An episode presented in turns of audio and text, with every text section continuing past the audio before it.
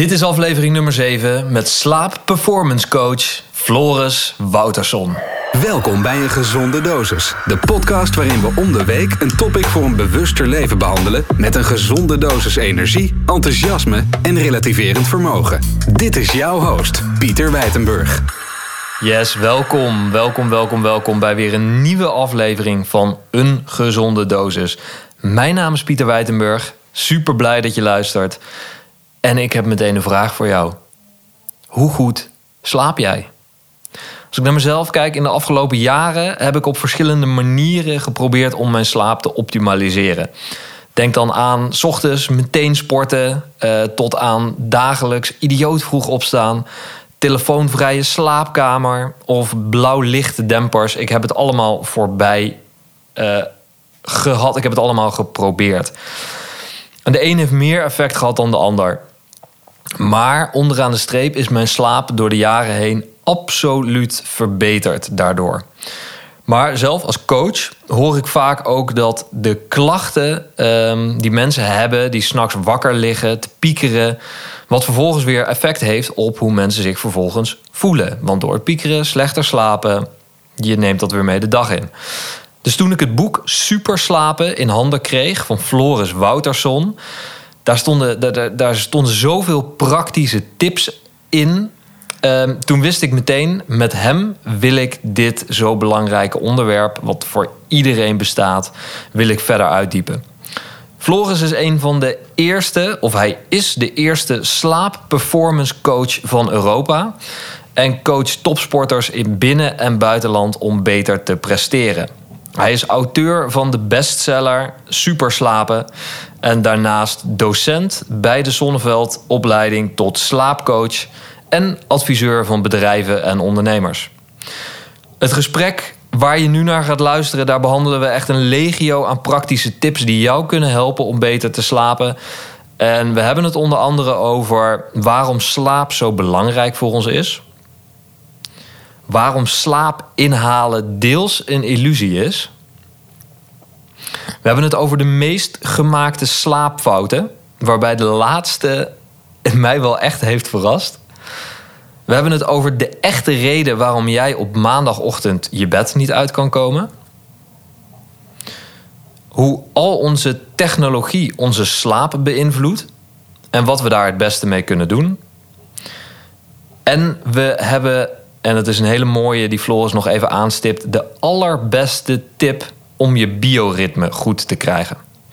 Kortom, een superboeiend gesprek met slaap performance coach Floris Wouterson. En Floris, dan wil ik jou welkom heten Ja. in de uitzending, in Dankjewel. de podcast. Ja, mooi. Dankjewel voor de Ontzettend, uitnodiging. eh, ja, en dankjewel dat ik eh, hier mag zijn Ja. in eh, volgens mij jouw winkel. ja, nou, het is onder andere de winkel van mijn, eh, van mijn echtgenote. We doen het samen. Eh, maar zij is de founding mother van het hele gebeuren. Oké. En het ziet er weliswaar uit als een winkel, maar het is niet echt een winkel. Want wij werken hier enkel op afspraken. En voor de mensen die aan het luisteren zijn en niet met video en geen idee hebben waar we zitten, er staan om mij heen een heleboel bedden. Klopt. En aangezien eh, deze episode voornamelijk over slaap zal gaan, of Yes. eigenlijk over slaap gaat, eh, ja, is dit ook geen verrassing. Nee, helder. Nee, slapen en bedden is natuurlijk eh, één op één met elkaar eh, verbonden. Maar waarom op afspraak? Omdat we eigenlijk ook de persoon achter de klant willen leren kennen. Ja. En slaap is veel meer dan alleen maar een matras. En ehm, als je een beetje kijkt naar het proces van het uitzoeken van bedden en matrassen, dan valt me altijd op dat mensen een beetje gaan liggen, ze lopen een beetje rond. En eh, nou, het ligt wel lekker, hè? nou, zullen we die maar doen. Maar dat is natuurlijk een hele vereenvoudigde manier van het uitkiezen van, eh, van matrassen. En dat is de reden dat we ook eh, voornamelijk op afspraak werken. En dan gewoon goed kijken, wat is het bestuur? Wat zijn de factoren die een rol spelen bij een goede matras? Ja. Want ik denk dat het toch wel ongeveer 50% uitmaakt van goed slapen. En de andere 50% is zeg maar alle lifestyle keuzes die we maken. Het eh, het zijn allemaal aspecten waar we straks nog zeker verder de diepte eh, op in Ja. zullen gaan. Ja, En verder op in zullen gaan. Ehm, maar heel even, waar komt deze slaap slaappassie, als ik het zo mag noemen. Is het een slaappassie? Ja, het is een Waar- waar soort mi- microbe. Is het. Nou, het is een beetje organisch gegroeid, weliswaar. Want ik ben, eh, zoals dat heet, zo mooi ervaringsdeskundige. Dus ik ben geen wetenschapper of arts of iets in die richting. Ik heb dus geen medische of paramedische vooropleiding. Ja. Ik heb wel een aantal eigenschappen. Eén daarvan is dat ik gepassioneerd nieuwsgierig ben. Dus als ik iets eh, interessant vind, dan ga ik er eh, heel diep, eh, diep in. En dat heb ik een hele tijd gedaan in de financiële wereld. Eh, ik ben van opleiding eigenlijk bankier. En ik kwam op een gegeven moment achter dat dat niet meer helemaal mijn, eh, mijn wereld was. En dan kun je twee dingen doen. Je kunt of naar het plafond kijken en gewoon doorgaan met waar je mee bezig bent. Of je hebt de ballen, noem ik het maar even, om Ja. gewoon te zeggen: ik stap hier uit en ik ga mijn eigen weg. En ehm, doordat ik ook wat eh, uitdaging had met mijn eigen slaap, ehm, ga je er meer in verdiepen, ga je er ook meer eh, mee bezig. Maar parallel daaraan, of eigenlijk een beetje eerder in die tijd al, waar we het net over hadden, is mijn echtgenote al eh, een slaapcomfortwinkel begonnen. Die heeft de mag, in, in, in Keulen gedaan. Dat is de enige opleiding waar je ook zeg maar, een hogeschoolopleiding krijgt met, eh, met meubelen en slaap en weet ik wat er allemaal mee samenhangt. Ja. En ze zei, als ik iets ga doen, dan ga ik iets doen met slaapcomfort. Nou, goed zal wel. Dus aan het begin heb ik een beetje meegeholpen bij eh, de marketing en een beetje financiën, logischerwijze. Maar verder heb ik me er niet zo heel erg mee bezig gehouden. Tot ik zelf met slaapproblemen geconfronteerd werd. En gaandeweg, door me er meer en meer in te verdiepen, ben ik er een beetje, ja, ehm, door gepassioneerd geraakt. En ik merkte gewoon dat ik dat zo ontzettend boeiend vond. Toen hebben ze ongeveer drie jaar aan mijn kop zitten zeuren. Dat ik ook al mijn kennis die ik inmiddels had opgedaan, is op te schrijven. Nou, dat is uiteindelijk het boek. Inmiddels zelfs bestseller eh, Superslapen eh, geworden. En ehm, ja, het is gewoon een fascinerend onderwerp. Gewoon. Absoluut. Ja. Dit- ik, wat ik het mooie ook vond, je noemt het boek al even Ja. eh, Super Slapen. Ja, Wat ik er zo tof aan vond, is dat het volgens mij omschrijf je het ook precies op die manier zo van. ehm, als het gaat om slaap wordt heel vaak uitgelegd hoe het horloge in Yes. elkaar zit, klopt. maar nooit hoe laat Ja. het is. Ja, ja. Of hoe je het af kan lezen. ja. of zoiets. Nee, dat klopt. Ehm, en wat ik zo mooi vond aan je boek is dat het, het is super praktisch. Het is heel concreet. Het staat vol met tips, met tricks, met let hierop. Ja. Ehm, Dankjewel. ja. Hoe, hoe, hoe is dit? eh, Want je zegt van het is een beetje een, een, een proces van drie jaar geweest. Ja, nou, dat ze aan mijn kop hebben zitten zeuren dat ik het moest gaan schrijven. Ja. Dus eh, ik ben natuurlijk al veel langer met het onderwerp slaap bezig. En doordat je er veel in verdiept en ook omdat we hier in deze, eh, dit slaapcentrum waar we zeg maar zitten, eh, mensen eh, geholpen hebben. En je ziet dus hoeveel mensen worstelen met slaapproblemen. En een matras is één van de oplossingen. En Ja. slaapomgeving bijvoorbeeld ook. Maar er zijn nog zoveel andere as- aspecten die zeg maar een rol spelen. Nou, ik ben er meer en meer en meer en meer gaan verdiepen. Mensen gaan coachen, helpen, begeleiden. Ehm, en dan kom je er gewoon achter dat je door te doen heel veel leert.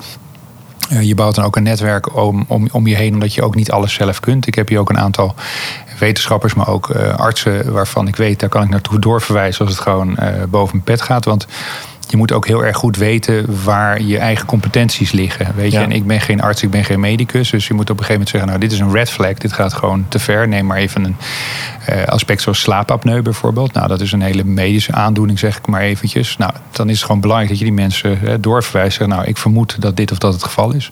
Maar niet zelf gaan lopen dokteren. Of als mensen een RLS hebben, dus een restless legs syndrome. Hè, dus eh, spastische bewegingen hebben tijdens het slapen. Ja, dat is een medisch verhaal. En dan moet je gewoon ook netjes eh, doorverwijzen. Dus dat heb ik in ieder geval ontdekt. Eh, ik ben dan heel veel over gaan lezen over slaap. Duitse boeken, Nederlandse boeken, Engelse boeken. Ehm, en dan kom je er gewoon achter. Het zijn allemaal fantastische boeken met bloemlezingen. Maar je weet, mijn god, niet wat moet ik nou eigenlijk met deze kennis? dat is echt zo. Eh, dat viel mij gewoon op. En eh, ik had twee doelstellingen bij het schrijven van het boek.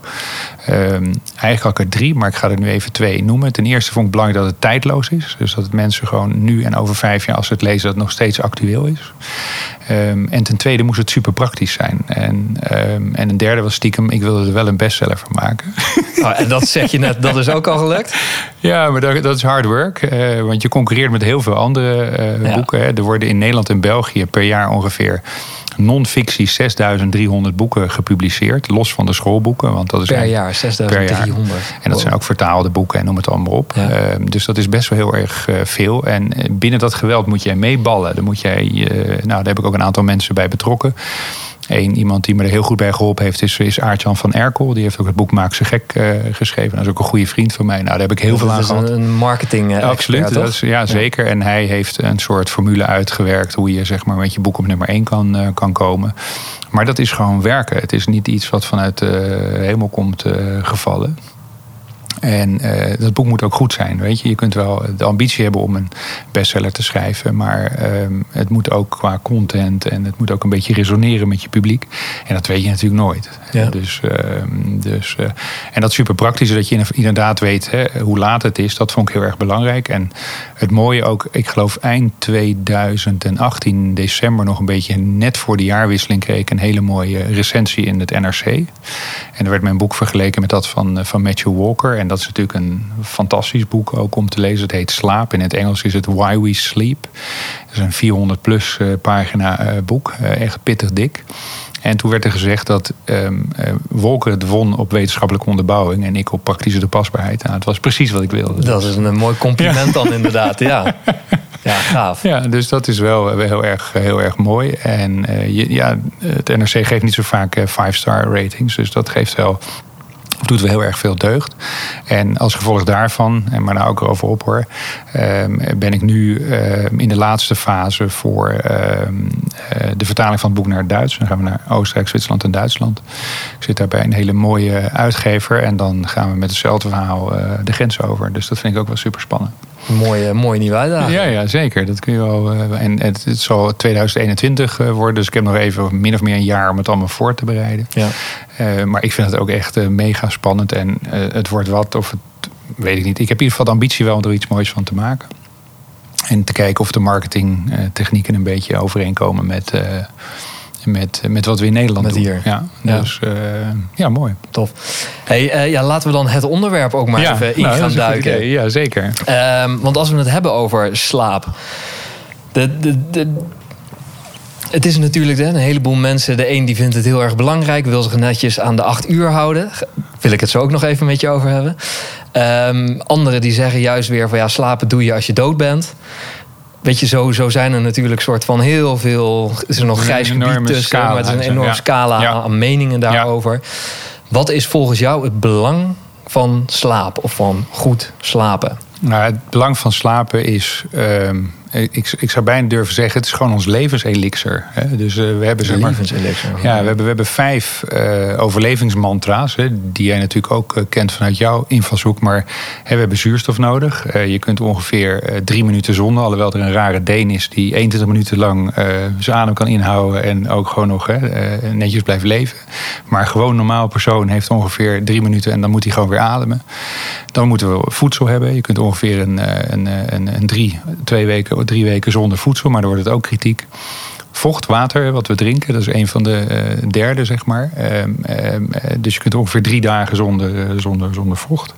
Dus 3-3-3 ongeveer. Hè. Ja. klopt niet altijd, maar dat is een beetje een richt, richtlijn. Vier is voortplanting, want als we ons niet voortplanten zijn we er ook niet meer. Ehm, dus je kunt het wat populair uitdrukken, dat is dan seks. Hè.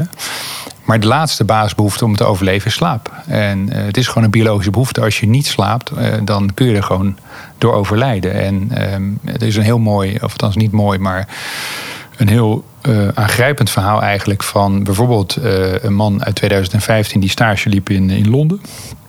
Uh, Moritz Eerhard heette die. En in de financiële wereld heb je iets dat heet het magische rondje. En het magische rondje wil zeggen dat je 72 uur niet slaapt. S'nachts om een uur of vijf rij je even van je werkgever naar huis. Vraagt de taxi wacht. Je kleed je even om. Uiteraard douche je even. Je maakt je fris. En je stapt weer in de taxi en gaat weer terug en weer aan het werk. Om zeg maar indruk te maken op je werkgever. Yeah. En deze jongeman op, op 21-jarige leeftijd is aan hevige epileptische aanvallen gewoon overleden. He, dus Door het 72 uur wakker blijven. Gewoon ja. continu maar doorwerken. Ja, ja. He, dus uh, slaap is gewoon essentieel. Um, en de volgende stap is, nou ja, goed, wat is dan goede slaap en hoe optimaliseer je dat? Uh, nou, dat zijn weer allerlei andere aspecten. En het is een heel divers en zeer gelaagd proces. Hè. Dus uh, het is in feite een soort wondermachine, slaap, wat ja. allemaal gebeurt. Alleen, um, en dat is een beetje mijn missie. Ik denk dat heel veel mensen nog onvoldoende zich daarvan doordrongen zijn. We weten allemaal wel dat we inmiddels gezond moeten eten. We weten inmiddels wel dat we voldoende moeten bewegen. Maar slaap is anders iets van, nou ja, oh ja dat, dat komt er ook nog bij. Uh, en eigenlijk is het, uh, wat jij al zegt, I will sleep when I'm dead. Het is tijdverspilling, ik heb er niks aan. Ja, het is een beetje zonde. Heel veel Ja. mensen vinden dat het, ja, het is wel lekker, mits ze goed slapen. Ja, klopt. Eh, maar ja, het is ook weer zonde van mijn tijd. Van, Absoluut. in, in die tijd kan ik geen leuke dingen doen. Klopt. Hè, En dat is een beetje het. eh, en dan is het heel raar als je naar de historie kijkt van slaap, want daar kun je ook heel veel over eh, lezen en terugvinden. Ehm, hebben wij als, als, als ras, hè, als primaat, zeg maar, want we zijn ook zeg maar een soort primaat. Ehm, hebben wij de meest compacte slaap. Dus, want een gemiddeld beest, een gemiddeld dier, een gemiddelde primaat, Ja. slaapt ongeveer een 15,9 uur. En wij doen het met de helft. Hè? Dus eh, als je van 8 uur uitgaat. Ja. En dan zitten we nog te mouwen dat het gewoon veel en veel te lang is. Ik bedoel, en wij zijn ook de enige primaten die afspraken hebben, weet je. Eh, er is geen leeuw of krokodil die eh, een afspraak heeft. Hè. hij krijgt een hongergevoel en gaat achter een beest staan... en dan gaat hij weer lekker uitrusten en dan gelooft hij het wel. Maar we zijn ook de enige primaten die onszelf onthouden van slaap. Denk jij dat als we ehm, soort van al die, die afspraken en dingen en zo allemaal niet zouden hebben, dat we Ja. ook veel meer zouden slapen? Ja, ik net, denk- als, net als het is, andere het- dieren, om het zo maar Het is, ook, het is ook onderzocht. Hè. Ehm, ehm, het is in ieder geval zo, eh, voordat het licht werd uitgevonden. Hè, dus we zeggen dat het Edison is geweest, maar het werd eigenlijk al veel eerder uitgevonden. Edison heeft het alleen veel slimmer vermarkt. Ja. Dus dat even in het midden gelaten. Maar laten we even dat als eikpunt pakken. Voor die tijd sliepen we in Europa, dus de postmoderne tijd, sliepen we ongeveer 10 uur. En dat is nu opgeschreven in Nederland. eh, Opgeschoven in Nederland zitten we ongeveer op gemiddeld eh, 7,8. Dus Nederland doet het in feite best heel erg goed, gemiddeld. Maar een gemiddelde is een gemiddelde. Ik ben er altijd heel erg voorzichtig mee. Ik zal het ook even een beetje toelichten. Maar stel, eh, wij zitten op een bus met z'n tweeën. En die zit lekker vol en, eh, en, eh, van, het, van, van het openbaar vervoer. En ehm, ehm, het, het gemiddeld gewicht is bijvoorbeeld 80 kilo of zo van alle mensen die in die bus zitten. En dan komt er een man en die stapt in en die is heel erg obese. En die weegt, eh, weet ik wat, 180 kilo. Nou, dan gaat het gemiddelde iets omhoog. Maar als het moment dat je zeg maar, met z'n allen in die bus zit en we gaan naar het gemiddeld inkomen kijken. Nou, stel dat we met z'n allen gemiddeld 40.000 euro verdienen. En dan stapt een miljardair op die bus. Dan moet Ja. je kijken wat het met het gemiddelde doet. Ja. Weet je? En daarom vind ik het altijd heel erg eh verneukeratief om gewoon maar gemiddeldes te nemen als gemiddelde. En dat dat dan. Ja, Ja. En, dan- en, die, en die dan te gebruiken. Maar goed, we slapen dus met z'n allen in Nederland ongeveer gemiddeld 7,8 uur. Wat in feite eh, heel erg goed is. Maar ik weet uit eigen ervaring dat bij heel veel mensen dat niet echt eh, lekker zit. En de kwaliteit van hun slaap ook gewoon niet is wat die zou moeten zijn. Nee. Dus eh, er was in Nederland recent nog een onderzoek van het CBS. En daar beoordeelde 62% van de Nederlanders hun eigen slaapkwaliteit als niet goed. Dus dat is twee derde. Twee derde beoordeelt zijn eigen slaapkwaliteit niet goed. Ik vind dat Dat is wel wat. echt veel. Ja, maar dat, dat, ik vind dat ook heel erg veel. Hè? Dus, maar blijkbaar is dat echt wat mensen ervaren. Ja. En dan, dan ehm, zijn ze daar nog op ingegaan van waar dat precies door kwam. Van het, het wakker liggen, piekeren. Ehm, nou, ik, nee, het ging meer over waarom ze hun eigen slaapkwaliteit niet goed eh, beoordeelden. Maar er, is wel, er zijn wel onderzoeken naar gedaan. eh, wat de hoofdredenen zijn waarom mensen ehm, zeg maar niet goed slapen. En één is stress op het werk. Dat is, Ja. gewoon, dat is gewoon number one. Hè, en, ehm, maar ik vind dat vaak ook altijd maar- één kant van de medaille. Hè. Dus, want op het moment dat je niet lekker werkt, gaat het thuis ook niet lekker. Dat het thuis lekker gaat, gaat het werk ook niet. Dus het is een soort twee. Zo'n Ja. soort pingpongspel. Het is natuurlijk heel vaak op het moment dat één aspect van je Ja. leven gewoon niet lekker Ja. loopt. Ja, dat, dat trekt door in Klopt. alle andere Dat- dat is eh, aspecten van. En maar stress op het werk is er één, relatieproblemen is twee, jonge kinderen is bijvoorbeeld drie. Er zijn natuurlijk eh, genoeg, eh, genoeg op te noemen. Verandering of eventueel bijvoorbeeld financiële problemen. Er is zo'n heel rijtje, maar vaak is werk, het is wel vaak heel erg werkgerelateerd. Ja. Dus eh, dat, eh, dat klopt wel.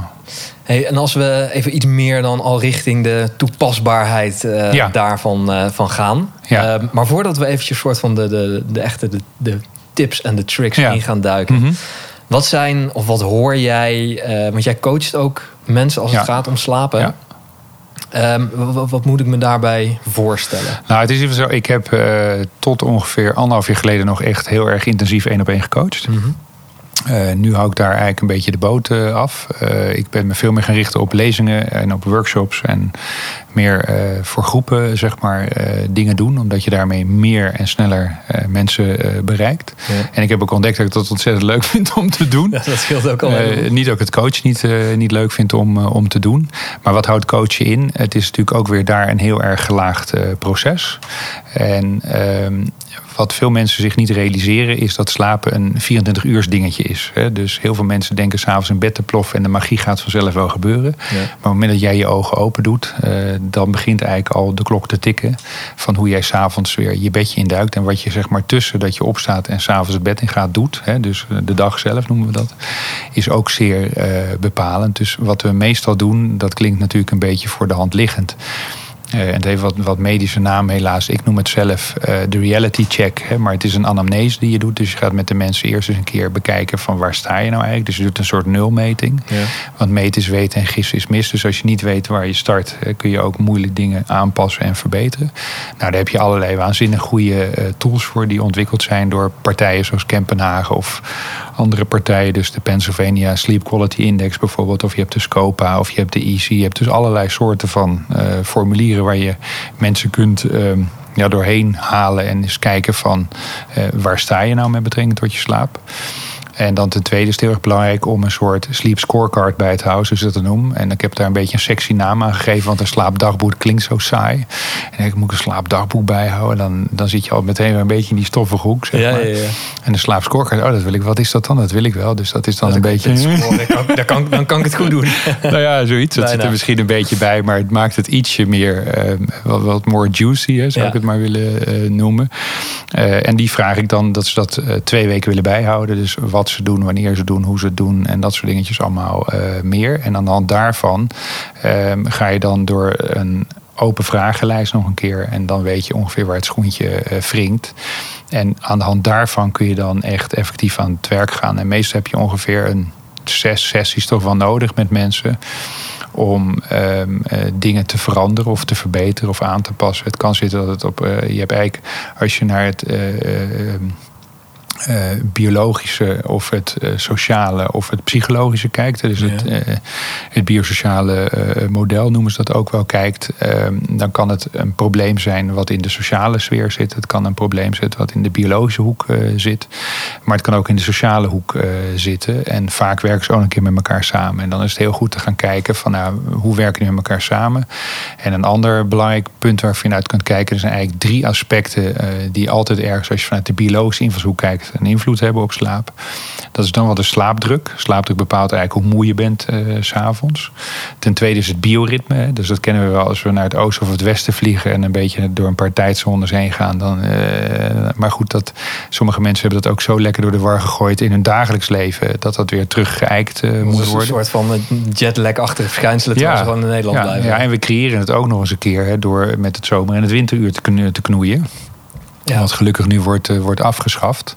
En het derde aspect is arousal, zoals dat heet. Nou, dat zou jij vanuit jouw invalshoek ook wel uh, kennen. Dus dat is in feite uh, alle, ja, ik noem het maar, prikkeling die het lichaam ontvangt. Ja. En, en die drie zijn bepalend in feite. en meestal is er één dominant en is er één of twee zijn ondersteunend. Maar als je dat al in kaart hebt, kun je heel erg goed gaan bepalen waar ga ik starten met deze persoon. En dat kan zijn, hey, arousal zit vaak in slaaphygiëne dingen. Dus dingetjes die je gewoon jezelf verkeerd hebt aangeleid. Dat zit vooral in de conditioneringshoek. Maar slaapdruk kan allerlei. Uh... Heel veel, want uh, die je net noemde, komen we dan een beetje uit op in je boek.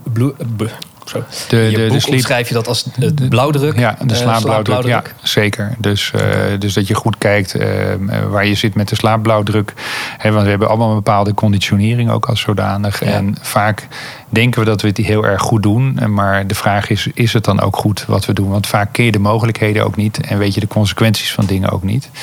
En wat ik vaak ook merk is dat mensen maar ergens iets van het internet plukken. En dan hier wat doen en daar wat doen. En daar een soort uh, aparte mix van maken. Um, en dat is natuurlijk niet altijd de beste formule. Hè. Dat wil niet zeggen dat er geen goede informatie op het internet beschikbaar is. Dat zeg ik zeker niet. Maar het is wel erg belangrijk dat je weet dat het in het geheel kadert. Van, uh, dat je niet hier aan de knop zit te draaien die daar weer eigenlijk uh, uh, contraproductief, ja, contraproductief werkt. Dus dat ja. komt natuurlijk ook voor. Maar die drie zijn heel erg belangrijk. En van daaruit gaan we dan zeg maar starten. En als je dus achter bepaalde slaapstoornissen komt, want er zijn er uiteindelijk uit mijn hoofd zijn er 88 gediagnosticeerde uh, slaapafwijkingen. Aanstaan dan. Ja, en zo. laat ik het zo zeggen, daarvan zijn er 6, 7 actueel. Ja. En een heleboel andere komen heel weinig of heel zelden uh, voor. Maar denk aan slaapwandelen. Uh, denk aan wat ik net al zei, restless leg syndrome. Of denk bijvoorbeeld aan het verschoven slaapfase syndroom. wat mensen die veel in de nacht werken of shiftwerk doen. Nou, daarvan zijn er een aantal waar ik mensen kan helpen om dat weer te eiken of beter te doen. Maar er zijn er ook een heleboel waarvan ik zeg, nou, uh, hier heb je telefoonnummer van uh, meneer X en die weet daar heel veel meer van. Ja. Dus wat ik al zei, ik vind het heel belangrijk dat je die red flags ook weet. En dat je niet buiten je boekje dingen gaat zitten, gaat zitten doen. Ja, dus dan bij jou komt het echt wel op aan van hè, waar blijft het ook een beetje binnen de controle misschien van de persoon zelf. Ja. En waar uh, heeft het meer nou ja, medische oorzaak ja. misschien. Een beetje Ja. die hoek. eh, Ja, je, je komt er vrij snel achter hoor. Of, het, eh, of, het, eh, of, of het iets medisch is. En dan is het gewoon belangrijk dat je doorverwijst. En er gewoon mensen bij haalt die daar gewoon voor geschoold zijn. En vaak start het dan weer met een slaaponderzoek. En dan ga je eens een keer 24 uur onder observatie. En dan kijken ze gewoon wat je, wat je uitspookt. En wat er dus in de hersenen gebeurt. Want slaap zit voor een heel groot deel in de hersenen, in ons brein. Ehm, en ehm, dan begeleid ik dat dan wel vanuit de zijlijn. Maar in feite gaat dan de lead over naar, eh, naar een arts. Ja. Dus dat is wel belangrijk. En, en wat zijn dan in die, die ehm, coaching, of misschien eigenlijk ook gewoon daarbuiten met mensen die je spreekt of waarmee je werkt.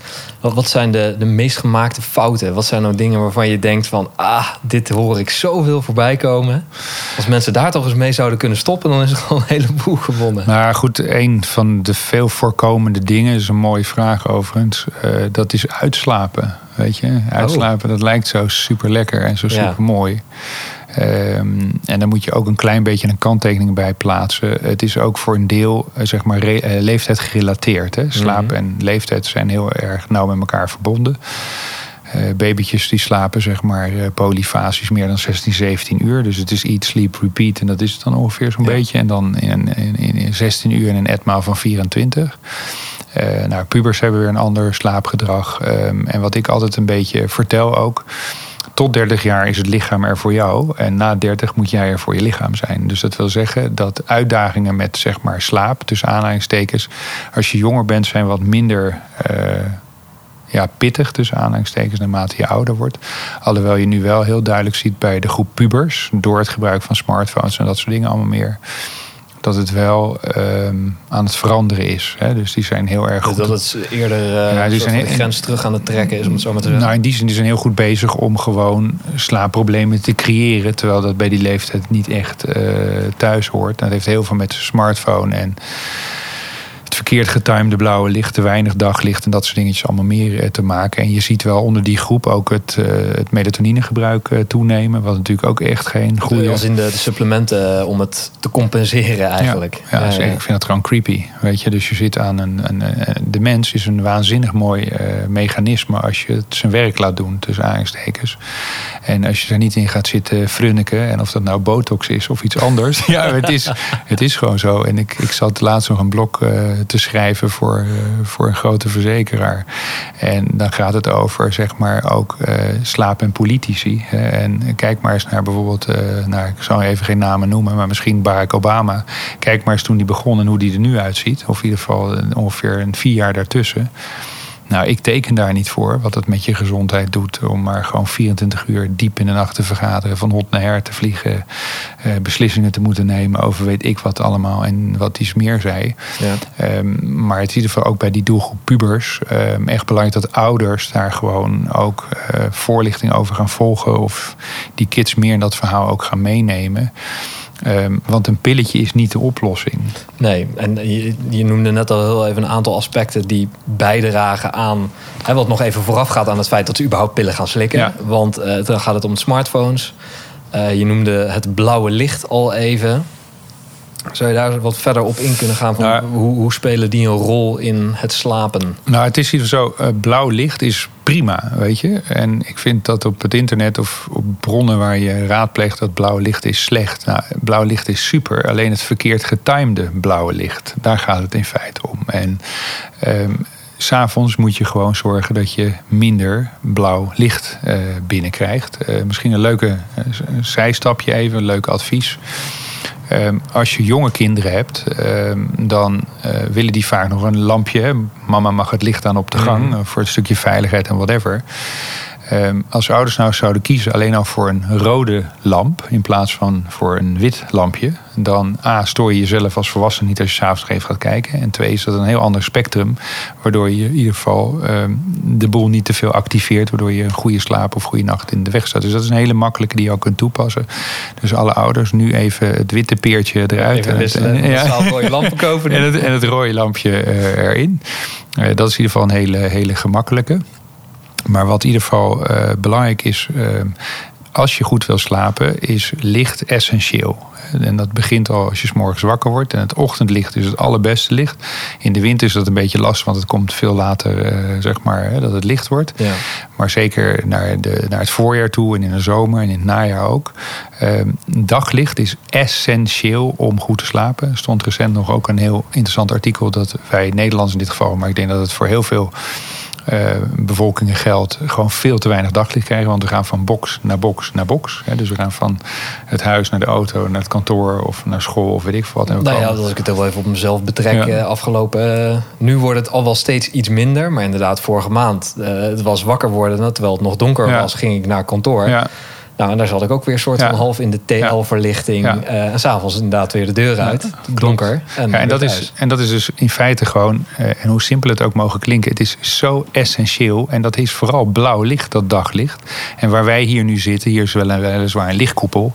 Maar hier hebben we nu denk ik ongeveer eh, gemeten een 500 lux. Op een bewolkte dag buiten zit je aan 2000 lux. Hè, dus dat is een klein verschil.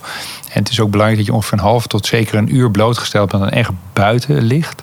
Want dat ehm, is de belangrijkste ehm, eh, motor voor het aanmaken van serotonine. En serotonine is weer het voorbereidend hormoon voor melatonine. Ja. En uiteindelijk is dat niet het slaaphormoon, maar het hormoon wat je in slaap brengt hè, en in slaap houdt. Ehm, dus heb je te weinig daglicht en te weinig goed getimed blauw licht, heb je al meer moeite om s'avonds uh, zeg maar eh, in te slapen. Nou, bij de smartphone is het zo dat, uh, en dat geldt voor elke vorm van scherm, of het nou een laptop is of een tablet of een whatever, dat verkeerd getimede blauwe licht onderdrukt meteen de productie van melatonine. Nou, wil jij goed inslapen, maar vooral ook goed doorslapen, heb je dat hormoon gewoon nodig. En daarmee creëer je al een probleem met inslapen, laat staan met doorslapen. Ja. Dus dat is gewoon al iets waarom het gewoon niet handig is om uh, s'avonds nog op die schermpjes te zitten. Alhoewel het voor heel veel mensen verdomde moeilijk is. Want ik heb wel eens bij een lezing gezegd, nou, dames en heren, stel u zich voor, u levert s'avonds om acht uur allemaal uw telefoon in. Ja, maar wat moet ik dan doen? ik weet gewoon niet wat ik moet doen. Ik weet, maar ze weten dat dus gewoon. Het is, gewoon een, een hele eerlijke vraag. Ja, wel. ja, maar ze weten gewoon niet wat ze moeten doen. Dus, dus, dus wat deden we voor de smartphone? Ik ben nog opgegroeid met een telefoon met zo'n draaischijf. Ja. En ik kreeg wel eens ruzie met mijn ouders dat ik de lijn moest uh, vrijhouden. En niet zo ja. moest lullen met mijn vriend of met mijn vriendin en weet ik veel. Uh, en dat was het dan. Uh, het verzetje wat we hadden zeg maar, met het telefoneren. Maar uh, wij hadden genoeg te doen, om het zo maar te zeggen. Maar we zijn blijkbaar dat stukje vergeten. En je kunt een boek lezen, je kunt met een vriend iets ondernemen of vriendin. Of Bordspelletjes Whatever. Er zijn genoeg dingen. Ja, je kunt, je, kunt, je kunt zoveel dingetjes doen. Maar het is in feite best wel speciaal in zo'n korte tijd dat het blijkbaar verleerd uh, hebben. Ja. Om gewoon nog alternatief iets te doen buiten op dat ding te hangen. En ik moet eerlijk zeggen, hoe minder je erop zit, hoe beter het ook met je gaat hoor. Die, uh, die correlatie is volgens mij inderdaad wel heel veel onderzoeken is dat uh, terug uh, te Absoluut. vinden ook. Dus, dus ze noemen dat ook wel internet fasting of media fasting of weet ik hoe je het noemen wil. Ook zeer aan te raden overigens, ja. ja. Klopt. Zeer en, goeie, en in, het begin, in, in het begin is dat best wel even, even doorbijten. Ja. en je hebt er ook hele leuke apps voor die gewoon je telefoon blokkeren en dat je er niet meer op kunt. Eh, dus je kunt daar heel ver in gaan. Ja. Dus zou je zeggen dat je dat moet doen. Eh, maar dat blauwe licht is wel heel eh, ja, belangrijk in de ochtend. Maar in de avond is het, werkt het contraproductief. En om hem dan even heel praktisch te maken. want Je zegt, eh, net in het voorbeeld gaf je vanaf een uurtje of acht. Ja. Is ongeveer, zou het beste zijn om hem helemaal weg te leggen. Ja. Alles, alle Gewoon weg. devices eigenlijk. In, feite general. zou het heel goed zijn. Nou, ik, in het boek, of in mijn boek, kun je heel goed eh, lezen dat ik zeg 90 minuten. En ik ben daar ook heel pragmatisch in. Weet je, als het je al lukt om het een uur eerder te doen of 30 minuten eerder te doen. Elke minuut is winst. Hè. Dus ehm, we zijn gewoon ook allemaal mensen. En ehm, eh, ik zeg ook niet dat je eh, geen telefoons meer moet gebruiken, dat je ze moet begraven achter in de tuin. Dat, dat is niet wat ik zeg. Maar je moet met die kennis gewoon veel beter, eh, veel beter omgaan. En ehm, twee uur is. Ik zelf zet hem gewoon op vliegtuigstand ongeveer vanaf acht uur s'avonds. Ja. Dus dan check ik nog één keer, hè, net als ieder ander, even: oh, is er nog iets? En bla bla bla. En dan gaat hij gewoon. eh, in mijn kantoor heb ik zo'n soort vakje waar ik hem gewoon inleg en that's it. En s s'morgens haal ik hem ook meestal pas om een uur of half elf daar weer uit. Eh, omdat ik s'morgens vroeg gewoon graag schrijf en lees en werk aan belangrijke dingen. En het is weer zo'n afleiding als je daarop gaat. En voor je het weet word je erin meegezogen. Ja. En ben je met je gedachten weer weet ik veel waar. Of iemand vraagt weer je aandacht voor weet ik veel wat. Eh, en dat kan leuk zijn, dat kan minder leuk zijn. Maar je bent niet meer, zeg maar, met een leeg blad begin je met je best work, weet je. Eh, ik vind het dus heerlijk om achter mijn pc te kruipen. En dan zet ik een leeg Google Sheet open. Of ik ben met iets bezig waar ik dan aan verder werk. Zonder dat ik al die bombardementen van weet ik wat het allemaal is op me afkrijg. Ja, het is Eh, echt heel herkenbaar. ja. Ik, ik heb hier ook tot tijd soort van mee gestruggeld. En Ja. het ene moment dan is het, vind ik het heel makkelijk. Ja. En dan denk ik, laat ik op vliegtuigstand staan. Echt een paar uur. ja, Ehm, en dan merk ik ook echt, ik pluk hier echt de vruchten ja, van. Klopt. En, en dan is het weer een tijdje later. Ja. Dan laat ik me weer verleiden. Maar ik heb ooit... Ken je Eelco de Boer, ondernemer? Die, die, die heb ik ooit ergens horen zeggen. Die gaf als tip. Die zei, hij doet dan ehm, gewoon überhaupt internetfasting. Ja. Tot één uur smiddags. Heeft hij gewoon zijn telefoon volledig uit. Mhm. Ja, dat heb ik een tijdje geprobeerd. En dat werkt inderdaad wel echt heerlijk. Ja. Ja. Voor, de mensen die nou luisteren en denken van... ja, maar mijn telefoon, dat is mijn wekker. Ja. Eh, dat is, eh, daar, ga ik, daar doe ik nog de laatste dingen op voordat ik ga slapen. Ja. Ja. Wat, wat zou je daar tegen, tegen Nou, zeggen? het, eh, ik heb het antwoord natuurlijk al eh, gegeven, maar ehm, ik zou die mensen graag willen uitnodigen om dat gewoon niet meer te doen. Die smartphone heeft niks te zoeken in de slaapkamer. En ehm, eh, op of zonder eh, vliegtuigstand, dat ding moet er gewoon uit. Ehm, want het staat ook gewoon die diepe herstellende nachtrust in de weg. Ja. En ook staat hij op stil, als je een notificatie binnenkrijgt, worden direct de delta-golven onderdrukt. Dus dat is de diepslaap.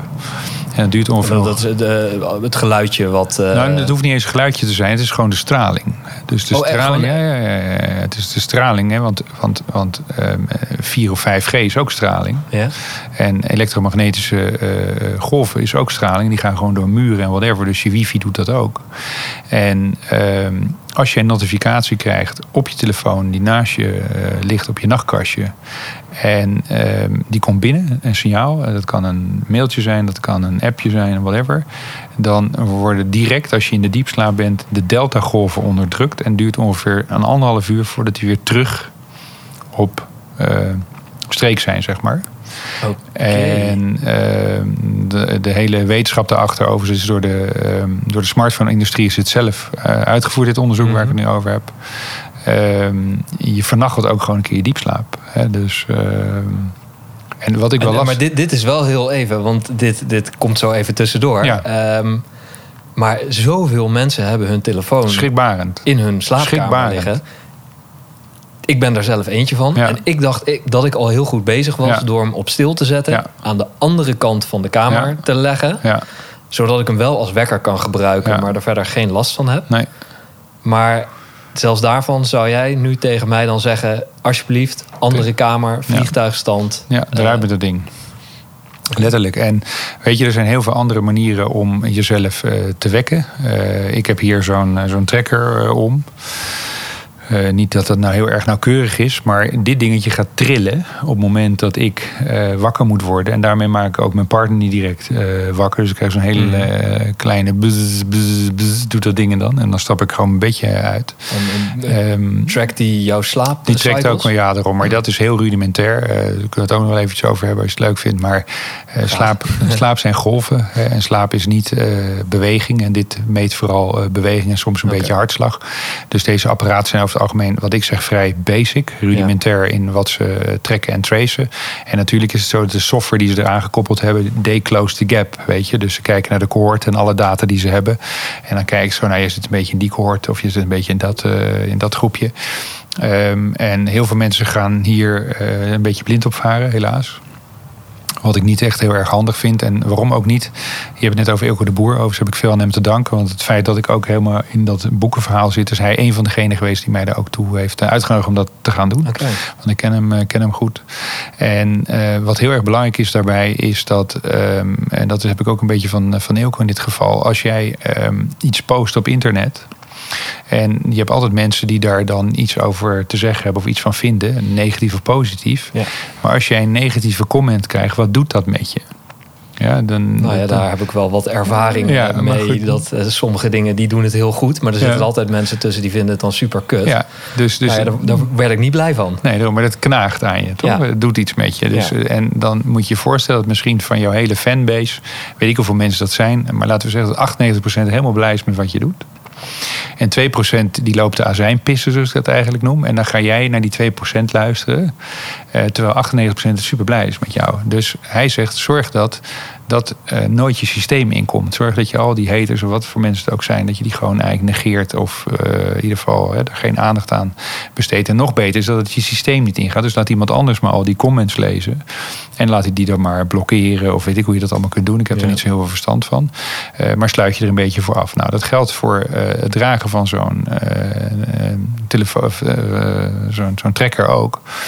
Ehm, als je 's morgens wakker wordt en je denkt... Poh, ik heb echt heerlijk geslapen. Ik voel me echt hartstikke goed. En dan kijk je op dat ding. Nou, het is gewoon lousy. Wie ga jij geloven? Wie ga jij geloven? En Ik, ik, ik zou denk ik wel, ongeacht dat ik me inderdaad heel goed zou voelen... Ja. ik zou zien, dan zou ik denken... Ja, dan, dan, ik zou wel aan mezelf gaan twijfelen, denk Ja, ik. Maar het doet dus soort van ja, maar het, het. het doet dus iets met je. Ja. het doet dus iets met je in de zin van hoe ga jij dan verder de dag in? Weet je, en je, misschien negeer je het wel of je schuift een beetje opzij, maar het is toch weer zo'n dingetje wat even naar binnen plopt.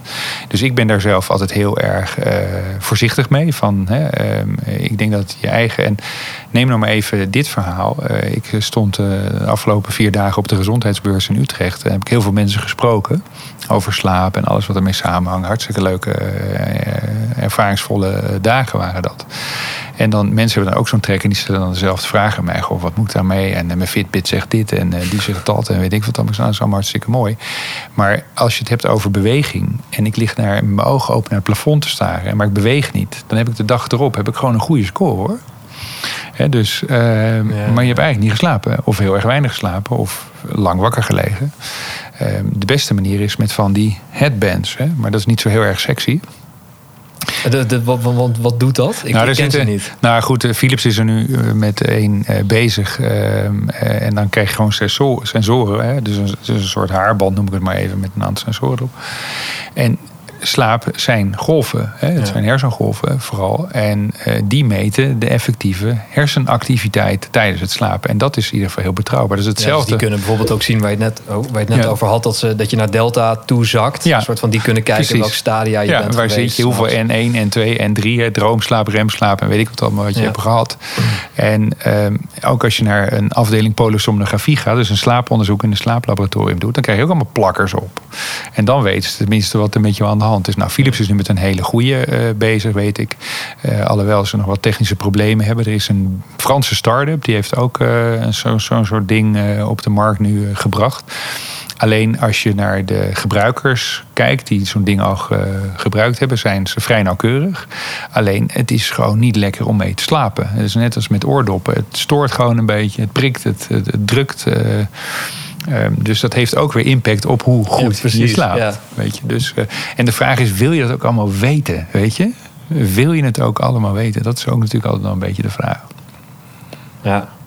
Want als je het hebt over ehm, die, die tracker, die meet dan weer wat anders. Maar een van de dingen die je net inderdaad noemde, hè, je, je, zit, je hebt verschillende cycles. Ja. Um, wat ook nog wel even een belangrijke is, want daar wil ik dan graag even Ja. iets verder op eh, induiken. Hoe, wat, wat zijn het precies? Hoe kunnen we ze gebruiken? Wat, Wat de cycles even- bedoel jij? Ja, Wat, wat houdt dat precies in? Nou goed, in ieder geval, slaap is wat ik al zei, zijn golven. Dus je hebt zeg maar een soort sluimerfase hè, voordat je inslaapt. Dan ga je eigenlijk naar de volgende fase. Dat noemen ze ook wel netjes N2. En dat is zeg maar lichte slaap. Dat is eigenlijk waar we het merendeel van de nacht in zitten. En dan zakken we naar de diepe slaap toe. Dat noemen ze ook wel N3. En dat wisselt zich af met rem- en droomslaap, om het zo maar eh, te zeggen. Alhoewel we in alle fases van de nacht dromen. Dromen in de remslaap zeg maar veel intensiever dan op de andere eh, momenten. Over dromen is helaas nog niet zo heel erg veel bekend. Alhoewel er wel steeds meer bekend wordt. Ja. Eh, over waarom we dromen en wat dromen betekenen en hoe we ze kunnen duiden en dat soort dingetjes allemaal meer. Maar wat heel erg belangrijk is om te weten, ten eerste, een slaapfase is niet 60 minuten, maar is 90 minuten. En heel veel mensen eh, denken vaak dat het een eh, verhaaltje is van een uur. Dus als ik acht uur heb geslapen, heb ik effectief acht uur geslapen. Maar dat zijn eigenlijk, als ik even naar 7,5 eh, uur ga, zijn het eigenlijk vijf cycli van 90 minuten is 7,5 uur. Waarbij je dus steeds van een wat lichtere slaap naar een diepe gaat. Ja, weer naar licht en weer terug Ja. naar diep. Maar het gaat nog verder. Het is geen homogeen proces. Hè? Dus de slaap aan het begin van de nacht is een andere slaap dan aan het einde van de nacht. Ehm, en het grappige is, de echte diepslaap zit vooral in het eerste deel van de nacht. En de eh, remslaap, die heel erg belangrijk is, zit in het tweede deel van de nacht. En dat is ook wat mensen vaak niet weten. Dus als jij stelselmatig te laat naar bed gaat, haal je een deel van je diepslaap weg. En dat heb je nodig voor geheugenherstel vooral en voor fysiek herstel. Maar als je categorisch te vroeg opstaat, dan haal je een deel van het cognitieve herstel weg. Hè? Dus dat is die mentale frisheid. Ja. Dus zowel knabbelen aan de ene kant als knabbelen aan de andere kant is gewoon Komt met gevolgen.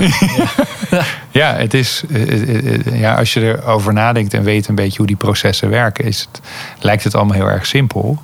Ga gewoon naar bed en zorg dat je genoeg slaap krijgt. Ja. Ehm, ehm, want ook daar in die eh, zeg maar 7,5 uur waar we het nu eventjes over hebben. Eh, er gebeuren zoveel belangrijke processen. Ehm, en als je ervan afknabbelt, dan vinden die processen gewoon minder goed en minder efficiënt plaats. Nou is het wel zo dat het lichaam heel erg flexibel is, tussen aanhalingstekens. En vooral tussen aanhalingstekens, want dan zou je kunnen zeggen, oh je kunt het hacken, dat zou natuurlijk wel mooi zijn. Eh, nou, Nou, dat is ook wat, Ja. meteen wat ik denk. Van oké, ja, nee, dus ik kan straks... Geef mij die hack, ik wil die hack. Ja, daar, ik zal even aangeven eh, hoe dat zeg maar eh, eh, een beetje werkt. Het lichaam is zeg maar verzot op regelmaat. Hè? Dus, eh, en dat heeft te maken met ons bioritme. En hoe meer regelmaat we hebben, hoe prettiger jouw lichaam dat vindt. Ja. En stel dat jij regelmaat vindt in weinig uren slapen. Dus dat je altijd, ik noem maar wat, om eh 12 uur naar bed gaat s'avonds. En altijd om bijvoorbeeld 6 uur s morgens opstaat. Dan heb je 6 uur, wat relatief gezien gewoon aan de ja, lage kant of te weinig is. In feite om goed eh, herstel te krijgen. Eh, maar laten we zeggen dat het zes efficiënte uren zijn. Dan weet op een gegeven moment jouw bioritme... ik krijg van Pieter in dit geval altijd zes uur. Dus ik ga zien dat ik in die zes uur hem het maximum geef wat ik hem kan geven.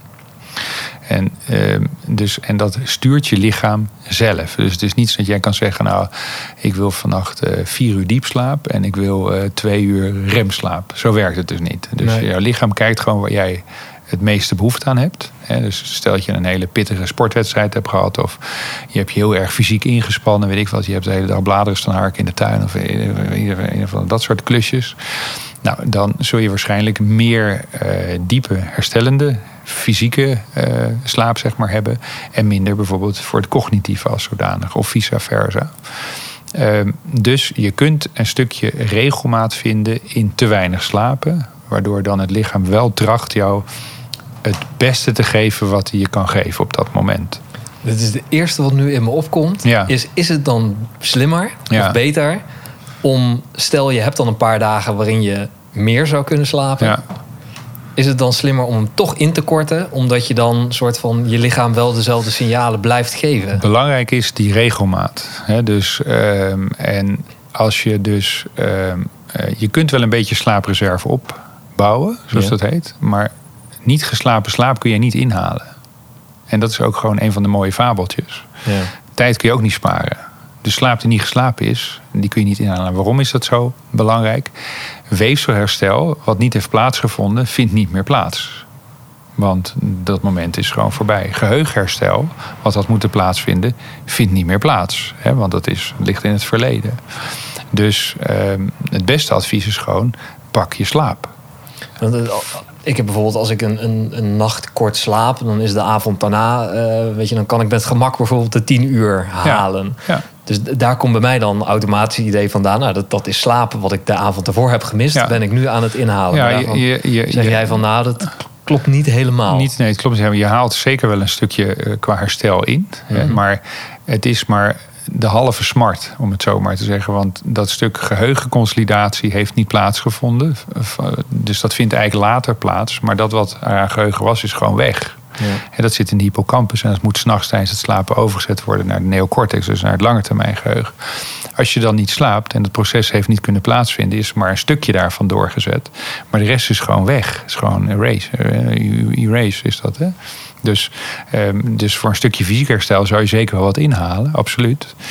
Maar eh, bepaalde processen hebben gewoon niet plaatsgevonden en gaan ook niet meer plaatsvinden. Oké. Ja. En wat is hierin als we het hebben over ehm, zorgen dat je vast blijft houden aan je eigen ritme? Misschien zelfs op zoek gaan naar je eigen ritme. Heel belangrijk. En gebruik maken ehm, van die verschillende, of van die 90 minuten eh, cyclus. Wat is dan daarin het beste wat we kunnen gaan doen om ervoor te zorgen dat we dat stuk kunnen optimaliseren? Hoofdstuk 4 van mijn boek.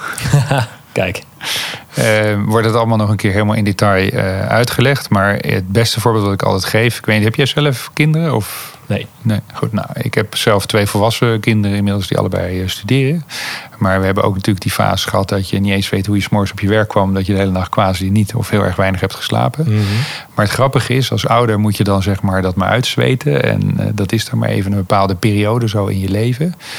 Ehm, waarbij overigens heel veel ouders zo geconditioneerd raken om geobsedeerd zeg maar, te zorgen dat hun kinderen goed en voldoende slapen. Dat ze zelf een verkeerd ritme ontwikkelen. En nadat de kinderen eigenlijk alweer goed slapen en wat groter zijn, ze met die problemen nog blijven zitten. Dus dat is dan ook weer een kunst om dat terug in het lood eh, te brengen. Ja. Er zijn ook mensen die ik daar in het verleden heel veel bij eh, begeleid heb. Ehm, maar wat doen we met kinderen? Kinderen geven de maximale regelmaat die er is. Dus dat wil zeggen, je weet wanneer ze s'avonds een bordje moeten leeg eten. Of althans moeten eten. Of ze dan een bordje moeten leeg eten. Dat is iets wa- waarschijnlijk van mijn tijd. En dan ehm, is het pyjamaatje aan en tandjes poetsen. En dan komt papa of mama nog even een verhaaltje voorlezen. En whatever. En ergens om een uur of x gaat het licht uit. En de dag erop hè, worden ze wakker. En dan hè, heb je hetzelfde ritueel weer. Nou, ik weet uit eigen ervaring dat als jij eh, een keer naar een feestje ging... en nam die kids mee. Je denkt, nou, we leggen ze daar wel even te slapen. Nou, dat gebeurde natuurlijk niet. Dus die gingen ook mee eh, op die party. En eh, weet ik wel, en ergens veel te laat liggen ze dan een keertje in bed. Dan mag je het dus drie, vier dagen uitzweten... voordat ze die regelmaat weer terug opgepakt hebben... in jouw eigen thuissituatie. Je betaalt een relatief hoge prijs eh, Ja. Maar je ziet dus op het moment dat die regelmaat ehm, van slag raakt voor die kids, dat zij er ook weer moeite mee hebben om die regelmaat op te pakken. Wij volwassenen zijn niets anders dan dat. Alleen dat ons bioritme een ander eh, tijd eh, heeft van naar bed gaan en slaperig worden en opstaan. Want bij jonge kinderen bijvoorbeeld, hè, die gaan dan om een uur of zeven, acht naar bed, maar die zijn meestal ook vroeg wakker. Omdat gewoon een bioritme en zeg maar het hele verhaal rondom melatonine wat anders eh, speelt. Dat naarmate zeg maar vanaf jong adolescent en volwassenen is de melatoninepiek, voor zover je zeg maar een ochtendmens bent, ergens tussen half tien en half elf 's avonds. En dan gaan gewoon de luikjes dicht en gaan we lekker slapen. Bij kinderen ligt dat dus eerder op de avond. Ehm, maar die regelmaat is voor ons dus ook heel erg belangrijk. Dus dat wil zeggen dat ehm, als je dus een, eh, iemand daar op dat punt een tip mag geven, zet een tijdstip 's morgens waarop je opstaat en houd je daar de rest van je leven aan. En of dat dan zeven is of half zeven is of whatever, I don't care. En Mhm. zeven dagen in de week. 24-7. Oké, ook in het weekend. Zeker, ook in het weekend. Want je noemde net, volgens mij hebben we dat een soort van even een beetje laten gaan. Maar je noemde eh, even geleden ook al dat uitslapen Ja. een van de eh, Ja. no-go's Ja. is daarin. Ja. Nou, dat zal vast natuurlijk, dat komt dan hier weer in terug. Ja. Want stel, ik zou in het weekend denken van, hè, nu heb ik even de ruimte en dan kan ik wat slaap Ja. inhalen. Ja. Ehm, daarvan is het dus ook van, dan doorbreek je dus precies weer dat ritme wat je eigenlijk nodig hebt. Ja. Wat zo belangrijk is om vast te houden. ja, dus ik weet niet hoe dat voor jou is. Maar hoeveel mensen zijn er niet super katterig maandagochtend als ze naar hun werk komen? Ja, veel. En hoe komt dat, denk je? Ik, ik, ik heb altijd gedacht bij een heleboel mensen... ja, maar dat komt gewoon omdat ze een baan hebben die ze totaal niet leuk vinden. Dus Dat die- kan ook. Dus die beginnen op zondagavond beginnen ze al van... oh shit, morgen moet Mhm. ik weer, wat een ellende. Ehm, maar dat is Ah, goed, altijd dat een is- beetje het idee gehad wat ik, wat ik had. Of Dat dat, is- ze misschien nog een soort van een driedaagse kater hadden. Daarom, dat Maar- kan. Maar dat is dus passion en purpose. Hè. Maar het Ja. heeft vaak met uitslapen te maken. Dat ze hun bioritme gewoon weer door de war gooien. En dat het gewoon maandag weer lastig is om op te starten. Ja. In feite is het heel voor de hand liggend. Eh, en natuurlijk, het kan ook een een of andere eh, kater zijn eh, van hier in Tokio. maar in de regel is het het uitslapen wat mensen dus hangerig en een beetje lethargisch en dergelijke maakt. En er is een heel groot verschil. En het heeft heel veel met slaapdruk ook te maken. Daar heb ik het net al een klein beetje over gehad.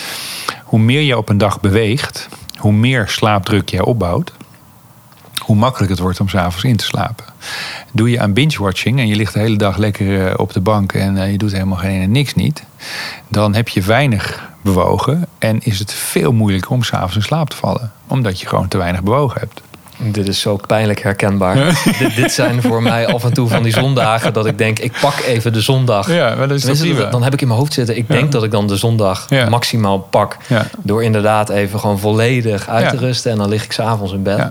Maar wat is er op tegen, Pieter, om daar gewoon één uurtje wandelen per dag aan toe te voegen?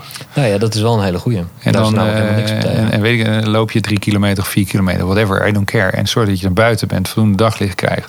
Dan heb je dat verhaal. Dan kun je toch nog van de 16 uur dat je wakker bent gemiddeld. eh, Daar investeer je één uurtje gewoon even in een goede voorbereiding voor die nacht slapen. En dan kun je voor de rest, wat mij betreft, op de bank liggen te, te. Ik noem dat goefen. Goefdagen. Eh, is prima. Dus eh, alleen het is in ieder geval voor goede slaap werkt het een beetje averechts. Oké. Ja. Dus opstaan, zelfde tijdstip, zeven dagen in de week. En ehm het s'avonds dan naar bed gaan. Zit daar dan nog een Nou, goed, het is- Want de slaapdruk, zoals je dat Ja. noemt, volgens mij... Mhm. die zal dan waarschijnlijk wel toenemen... naarmate je misschien Ja, hoe eh, langer je wakker bent, Ja, hoe langer je wakker bent, neemt de slaapdruk toe. En gecombineerd met wat je overdag doet, neemt de slaapdruk ook toe. Eh, en het kan natuurlijk zijn bij sommige mensen dat er andere eh, aspecten een rol spelen waarom de slaapdruk niet is wat die, wat, wat die zou moeten zijn. Eh, een van de dingen die de slaapdruk bijvoorbeeld onderuit haalt, is koffie. Dat is een hele goeie. Eh, Dat is neppen, lekker dutjes doen. Eh, maar het kan ook soms een beetje eh, te maken hebben met specifieke omstandigheden waarom je daar eh, meer last van hebt. Maar het zou ook goed zijn om voor 's avonds ook een vast tijdstip vast te klikken. Wanneer je naar bed gaat. Alhoewel het iets minder belangrijk is dan het uur van opstaan 's morgens. Oké. Ehm, maar daarbij, hè, wat ik al zei, is het zo dat ehm, je voor jezelf een beetje moet bepalen wat is je natuurlijke slaapbehoefte. Hoeveel uur heb je ongeveer nodig om je goed fit en vitaal te voelen en vooral energiek gedurende de dag. Ja. Nou, laten we even zeggen dat het 7,5 uur is. Noem even een dwarsstraat. En dat je ongeveer 20 minuten nodig hebt om in te slapen. Dan kun je terug gaan rekenen. Oké, dit is mijn tijd zodat ik altijd moet opstaan. 7,5 uur terug. Plus dan dat inslaapmomentje wat je nodig hebt. En dan weet je wanneer je het licht uit moet doen. En daar dan je zoveel mogelijk proberen aan te houden. En als het een keer een dag niet zo is, zo wat de hek, weet je. Ik bedoel, een keer moet je misschien een hele vroege vlucht halen. eh, ga je eerder je bed uit. Of eh, je hebt een keer een hele intensieve dag gehad dat je gewoon wat eerder naar bed gaat. Dat is allemaal prima, weet je. Dus eh, eh, we zijn ook geen robotten of, of iets in die Nee, richting. precies. Maar het is wel belangrijk, net als met die jonge kinderen waar ik het over had. Tracht gewoon in je leven regelmaat te brengen. En het is net zo fijn als internetfasting. Eh, terwijl heel veel mensen denken dat is saai en dan ga je het er niet doen. En, eh, nou, doe het gewoon maar. Houd het maar eens drie of vier Probeer weken vol. eens, ja, en dan de drie, zien- vier weken daarvan Ja. zeg jij van dat is een mooie om even te merken Daarom, wat het met je doet. daarom. De En dan- effecten ervan te zien. En dan, en dan zul je zien dat dat heel erg prettig is. Alleen heb je vaak dan weer de, de discussie met je partner. De een vindt het onzin en de ander heeft er geen zin in en eh, whatever, weet je. Dus dan moet je ook weer zien die, uh, die brug te slechten. Ehm, dus, maar het werkt echt zoveel prettiger om, om een regelmaat te hebben in wat je doet. Ja. Ehm, daar, daar, dat vindt onze, hersenen, onze hersenen vinden dat gewoon heel erg fijn. Ja, mooi. Ja. Ehm, eentje waar ik het ook nog even kort met je over wil hebben. Mhm. Als je dat kort kan. Ja. zijn uh, de slaapposities. Of de, ik weet niet of je het positie kan noemen, maar in ieder geval de, de, de, de ligging. Ja. Want ik ben een, uh, een buikslaper. En toen was ik jouw boek. Ja. Nou, ik heb hem geluisterd. Ja. Uh, fijn dat je me ook hebt ingesproken ja, trouwens. Dat vind ik altijd erg prettig. Ja. Um, maar toen kreeg ik in één keer te horen dat het eigenlijk de slechtst mogelijke positie is om in te slapen. Ja ook daar moet je natuurlijk weer een beetje pragmatisch uh, zijn. Ja. Uh, ik maak een analyse van de drie verschillende soorten van slaapposities. Nou, op je zijslaap is bij voorkeur de beste positie. Omdat dan gewoon uh, je hart minder hard hoeft te pompen. Je lymfatisch systeem werkt gewoon beter. Er zijn een aantal gezondheidsvoordelen die daar een rol spelen tweede positie dan zeg maar more or less is rug. Hè. Uh, mits je natuurlijk ook s'nachts goed ondersteund wordt. Dat je ademhaling ook goed is en dat je nek niet te veel naar je borst uh, geduwd wordt. Dat je bijvoorbeeld een dik kussen hebt en dat soort dingen allemaal meer. Dus dat is ook belangrijk om naar te kijken. Maar het is ook wel vaak de ideale positie om uh, te snurken. Dus en dat is dan weer niet zo aan te bevelen. Zeker niet als je nog iemand hebt waar je het bed mee deelt. Ja. En de derde positie is zeg maar de buikslaappositie. En die is om meerdere redenen gewoon niet te favoriseren. Alhoewel bij jonge kinderen en baby's zie je dat nog wel vaak gebeuren. Maar in de regel is buikslapen uitwijkgedrag, omdat je te veel last hebt van je heup of van je schouders op in, als je in zijligging uh, ligt. Dus dat ontstaat ergens een periode in je leven waardoor je dat bent gaan doen. En dat is dan je favoriete voorkeurslichthouding, hè, waar aan zich, uh, wat aan zich prima is. Alleen bij buikslapen is het zo dat ten eerste je lordose, dus de kromming van je rug die hier zit, die ligt voortdurend onder druk. We hebben daar toevallig eh, zo'n ding staan, zo'n ruggenwervel. Maar als dit je tussenwervelschijf zijn, ik weet niet of het een beetje te zien is, maar dan staan die altijd onder druk. Nou, die kunnen dan s'nachts onvoldoende vocht opnemen. Doordat ze onvoldoende vocht opnemen over de tijd, dus dat moet je ook niet stretchen, drogen ze licht uit. Nou, dan de fysiotherapeut en de osteopaat die denkt, nou dat is mooi meegenomen. Die Pieter gaat lekker op zijn buik slapen. Dan kan ik hem af en toe eens even lekker behandelen. Nou, dat is natuurlijk een grapje, maar mhm. kun je beter niet doen. Ehm, dan je ligt met je nek, dus je cervicale. Dus je hebt hier ook nog drie wervels, lig je ook altijd uh, gedraaid. Dus dan doe je min of meer een beetje hetzelfde. En dan lig je ten derde op je organen, wat ook niet uh, optimaal is. En de belangrijkste reden uh, waarom buikslapen niet goed is, is dat je glymfatisch systeem veel minder goed werkt. En je glymfatisch systeem is hetzelfde als het lymfatische, maar dan voor je hersenen. En, ehm, en dat werkt in buikligging gewoon minder goed. En dat is heel erg belangrijk voor die mentale frisheid weer. Want als jij slaapt, worden je hersenen tot bijna 60% kleiner. De hersenvloeistof wordt, uh, neemt enorm toe. Dus een soort wasbeurt van je hersenen gebeurt er mm s'nachts. En in buikligging doet dat proces minder goed zijn werk. Is aangetoond. Dus alle buikslapers, listen. Don't sleep on your stomach. En dan uh, natuurlijk, wat, wat, want dit is nou iets waarvan ik vanavond denk: ik ga in bed liggen en ik ga een andere houding aannemen. Wat, wat is een Voorkeur, wat zou jouw aanraden zijn uh, nou, ik heb, nadat je eh, mij hoort zeggen van ik lig op mijn buik? Ja, dus het is een vijf stappen proces. Uh, en niet omdat ik, we het hier nu over hebben, maar in mijn boek, bij het bonusgedeelte van het boek, leg ik dat hele stappenproces uit. Ik weet niet of je dat hebt gedownload inmiddels. Ik heb stukjes ervan. Daarom. En daar leg ik het hele stappenplan uit wat je kunt doen om, zeg maar, want het begint ook weer met bewustzijn. Je moet eerst eens weten, oké, is het wel goed voor me? Nee, het is niet goed. Dan begint het met jouw innere instelling. En jouw, jouw binnenste instelling over van hey, dit is niet goed voor me, ik moet er gewoon iets aan gaan doen. Nou, dat is eigenlijk al. Dat is eigenlijk al de halve marathon. Als je dat inzicht hebt. En dan is het in feite niet zo heel erg moeilijk om daar stappen in te zetten. Nou, daar geef ik een vijf stappenplan voor. Dat noem ik het 5W-model. Eh, uh, dus dat je bijvoorbeeld een nieuwe gewoonte aan een bestaande gewoonte hangt. Het bewustzijn ook hebt. Een stukje mindset uh, doet daarbij. Dat is heel erg uh, belangrijk. Maar er is nog een aspect heel erg belangrijk, uh, wat ik ook overigens wel in mijn boek uh, schrijf. Is mensen die op hun buik slapen, hebben per definitie graag een harde matras. Want die duwt de buik uit de matras, waardoor die lordose minder druk voelt. Je hebt vaak ook nog een flamingo houding. Je trekt één been op, zoals we dat, noemen. doe ik altijd. Dat is om mijn het standaard bekken eh, te ontlasten. Ja. Dus een stap daar zou ook kunnen zijn door naar een veel ergonomischere matras te gaan, die drukverlagender en drukverdelender is. En dat is ook waar we hier alles op uitgericht hebben, zeg maar naar assortiment eh, toe. Is het heel erg belangrijk dat je dus die matras ook niet te hard hebt. Want doordat die te hard is, ga je automatisch ook weer meer op je buik liggen. En op, Ja, dus het eh, houdt elkaar gewoon een beetje in in stand. stand, die manier, precies. ja. En vaak denken mensen, ja, een harde matras, dat is toch goed en dit en dat. Ja, dat is in zoverre goed als je er ergonomisch ook goed op ligt. En wat veel mensen niet weten is dat je huid is je grootste orgaan. En mensen die in een niet gezond lichaam in een ziekenhuis liggen en zichzelf niet meer kunnen draaien en keren, die krijgen doorligwonden. Want een gezond lichaam kan zichzelf draaien en keren. En hoe meer drukpunten je op je huid hebt, hoe meer je loopt te draaien en te woelen, hoe minder diep en goed je slaapt. Dus het hangt allemaal weer een beetje met elkaar eh, samen. Yes. Ik ehm, zie dat we inmiddels het uur alweer voorbij Oh hebben. jee. oh jee. Ik heb trouwens nog wel één heel Time leuk ding wat ik. flies. eh, Ik- ja. ja? Nee, zeg maar. Jij Nee, ja, vraag? ik wilde vragen of, naar aanleiding van de dingen die we nu hebben besproken, of er nog Ja. iets is waarvan jij zegt van ja, dit mag niet ontbreken. Nee, het- ik vind het wel heel leuk dat je die vraag stelt. Maar anders had ik het zelf even aangekaart. Ik heb het afgelopen jaar eh, samen met mijn echtgenote, met Natasja, heb ik heel veel tijd en energie gestoken in zeg maar, eh, de relatie tussen de gezondheid van onze darmen en hoe goed jij slaapt. En ehm, het is zo dat ehm, heel veel mensen zijn daar zich niet van bewust. Maar ehm, eh, je hebt de brain-gut connection. Hè, dus de, de, de, nou, en die heeft een enorme impact op hoe wij eh, zeg maar, functioneren. Hippocrates zei het overigens al 2000 jaar of zoiets eh, geleden. Hè. De gezondheid begint in de, in de darmen. Of alle ziektes starten ook in de darmen. Maar er is ook een hele duidelijke link tussen jouw kwaliteit van slaap en de gezondheid van je microbioom schuine streep darmflora.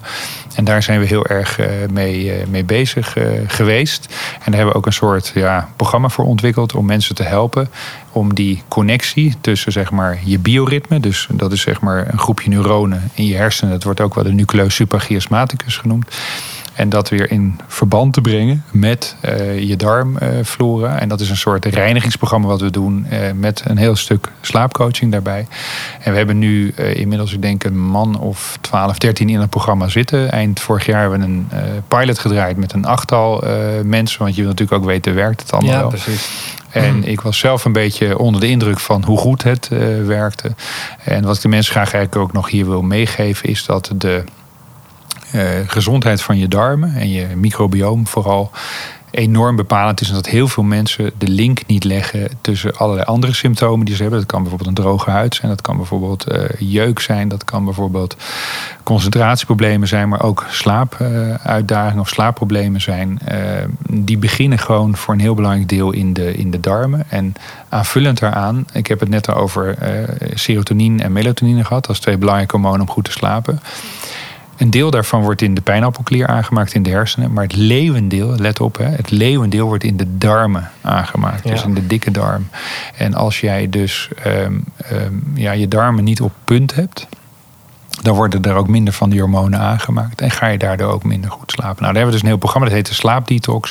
Ik ben er super trots op. Ik vind het ook heel erg spannend. Dat kun je met en zonder begeleiding doen. Ehm, en met begeleiding gaan we natuurlijk veel dieper in. Zeg maar, op de aspecten ook die met slaap te maken hebben. Zonder begeleiding zet je gewoon je darmen goed op punt. En ga je daardoor ook al beter, eh, beter slapen. Maar dat vind ik ook heel erg mooi. Dat er eh, ruimte is zeg maar, ehm, om creatief en ondernemend met dit soort dingen bezig te zijn. Om mensen gewoon aan meer energie, gezondheid en plezier te helpen. En dat is toch wel echt een van mijn grootste drijfveren. Dus eh, leuk dat je Ja, dat nog eventjes Nee, vraagt. ik, vind het ook wel een hele mooie combinatie. Ehm, ik, ik heb een paar weken geleden, die zal een paar afleveringen voor deze uitkomen, Ja. met Rieneke Dijkinga, is Ja. orthomoleculair therapeut en natuurvoedingsdeskundige Ja. gezeten. Ja, met haar er ook inderdaad over gehad van hoe zo ontzettend belangrijk is, gewoon hormonaal gezien, wat daar allemaal in de darmen gebeurt en wat voor een uitwerking dat Ja. heeft op, Ja. ja, weet je, dit, je slaap natuurlijk, maar ook gewoon hoe je je voelt op de dag. klopt. En, ehm, Ja. Dus het is een mooie, mooie Ja. combi. Ja, daarom wat ook een hele belangrijke neurotransmitter wordt voor een groot deel ook in de darmen. Dat is GABA. En GABA heb je ook nodig om uiteindelijk goed te slapen. Ga, waar, waar, waar, waar zorgt die voor? Wat nou, GABA zorgt gewoon dat nou, er zijn meerdere eh, neurotransmitters die met slaap een belangrijke rol spelen. Zoals tryptofaan bijvoorbeeld is er ook Ja. eentje van. Maar GABA wordt ook in de darmen aangemaakt. En dat zorgt er eigenlijk voor dat je gewoon ook goed kunt gaan slapen. Dus dat is ook een, een ondersteunende neurotransmitter eh, die je gewoon nodig hebt om te ontspannen en eh, je goed eh, te voelen en uiteindelijk goed te kunnen gaan slapen. Zitten je darmen niet op orde, maak je minder GABA, ga je ook weer minder goed slapen. Gebeurt ook allemaal weer in de darmen. Ja, Hè, dus, eh, dus vandaar dat het gewoon Ja, ook heel... eh, bijzondere, ja, bijzondere connectie. Ja, Hey, voor mensen die ehm, nu denken, zo'n programma, Ja. het is online, zei je. Ja. De, voor de mensen die denken dat is interessant, zoiets is misschien wel iets voor mij. Of Ja. dat ze denken eh, het boek of Ja. meer over Floris, waar kunnen ze dan terecht? Nou, ik zal eh, beginnen met zeg maar, mijn eigen website. Dat is www.floriswalterson.com. Daar eh, schrijf ik leuke blogs en onderwerpen. En dan kun je nog meer informatie vinden over alle dingen die ik hier vertel. Mijn boek, daar heb ik een aparte website voor. Dat heet superslapen.nu. En nu is dan echt ook in de zin van dat je ermee aan de slag moet gaan. Super praktisch. Ja, leuk. Want we hadden ook .nl van kunnen maken. Maar .nu is gewoon eh, leuker. Eh, het slaapdetox is www.slaapdetox.nl. Dus dat is in ieder geval wel een programma van zes dagen overigens. Eh, en dan krijg je een aantal maaltijdshakes, zeg maar. Helemaal natuurlijk, lactosevrij, glutenvrij, soja, whatever. Alles vrij, vrij, vrij. zijn 100% natuurlijke materialen of producten. Ehm, ehm, eh, en zijn ook helemaal natuurlijk. Hè, dus eh, geen toevoegingen van conserveringsmiddelen, weet ik wat allemaal meer. En dan hebben we nog sleepwise.be. Dat is waar we nu hier eh, zitten. En ehm, ja, hier kun je merkonafhankelijk gewoon het beste advies krijgen voor het juiste kussen, dekbed, matras of whatever. En daar gaan we op afspraken te werk. Dus je kunt op de website ook en maak een afspraak doen. En dan we ook echt tijd vrij voor die mensen. Om gewoon niet alleen naar het bed te kijken, maar ook wat er nog allemaal achter zit. En dat doet ons team hier. En Natasja runt dat vooral. En dat doen we pas 20 jaar. Dus we hebben er een klein beetje ervaring mee. Mooi. Ja. Dankjewel. Nou, jij dankjewel. was heel erg leuk, eh, leuk interview. Dankjewel. Merci. Ja, ik hoop dat je net zoveel interessante tips uit dit gesprek hebt gehaald als dat ik heb gedaan. Want als het gaat om slaap, dan kan er altijd wel iets verbeterd worden. Zelfs als je merkt dat jouw uitdagingen meer liggen op de momenten dat je wakker bent, dan kan beter slapen er alsnog voor zorgen dat je vitaler voor de dag komt, waardoor het makkelijker wordt om die uitdagingen die je hebt, om die aan te gaan. Wil je dit gesprek nog op video terugzien? Ga dan snel naar YouTube en zoek op een gezonde dosis en Floris Wouterson, want het is ook opgenomen. Dus je kan het gesprek ook bekijken. En zorg er daarnaast voor dat je je abonneert op deze podcast als je dat niet hebt gedaan. Je kan me volgen via Spotify of abonneren via Apple Podcast, ehm, Soundcloud of elke andere podcast-app die jij gebruikt, zodat je de volgende afleveringen 100% zeker niet gaat missen. Alles wat ik met Floris heb besproken in deze aflevering kan je tevens ook terugvinden in de show notes. En die staan op pieterwijtenburg.nl slash 007. Pieter Wijtenburg, en Wijtenburg is met een lange ei, .nl slash 007. En laat me daar ook even een berichtje achter wat jou het meest is bijgebleven van dit gesprek. Ik ben enorm dankbaar dat je hebt geluisterd naar dit gesprek.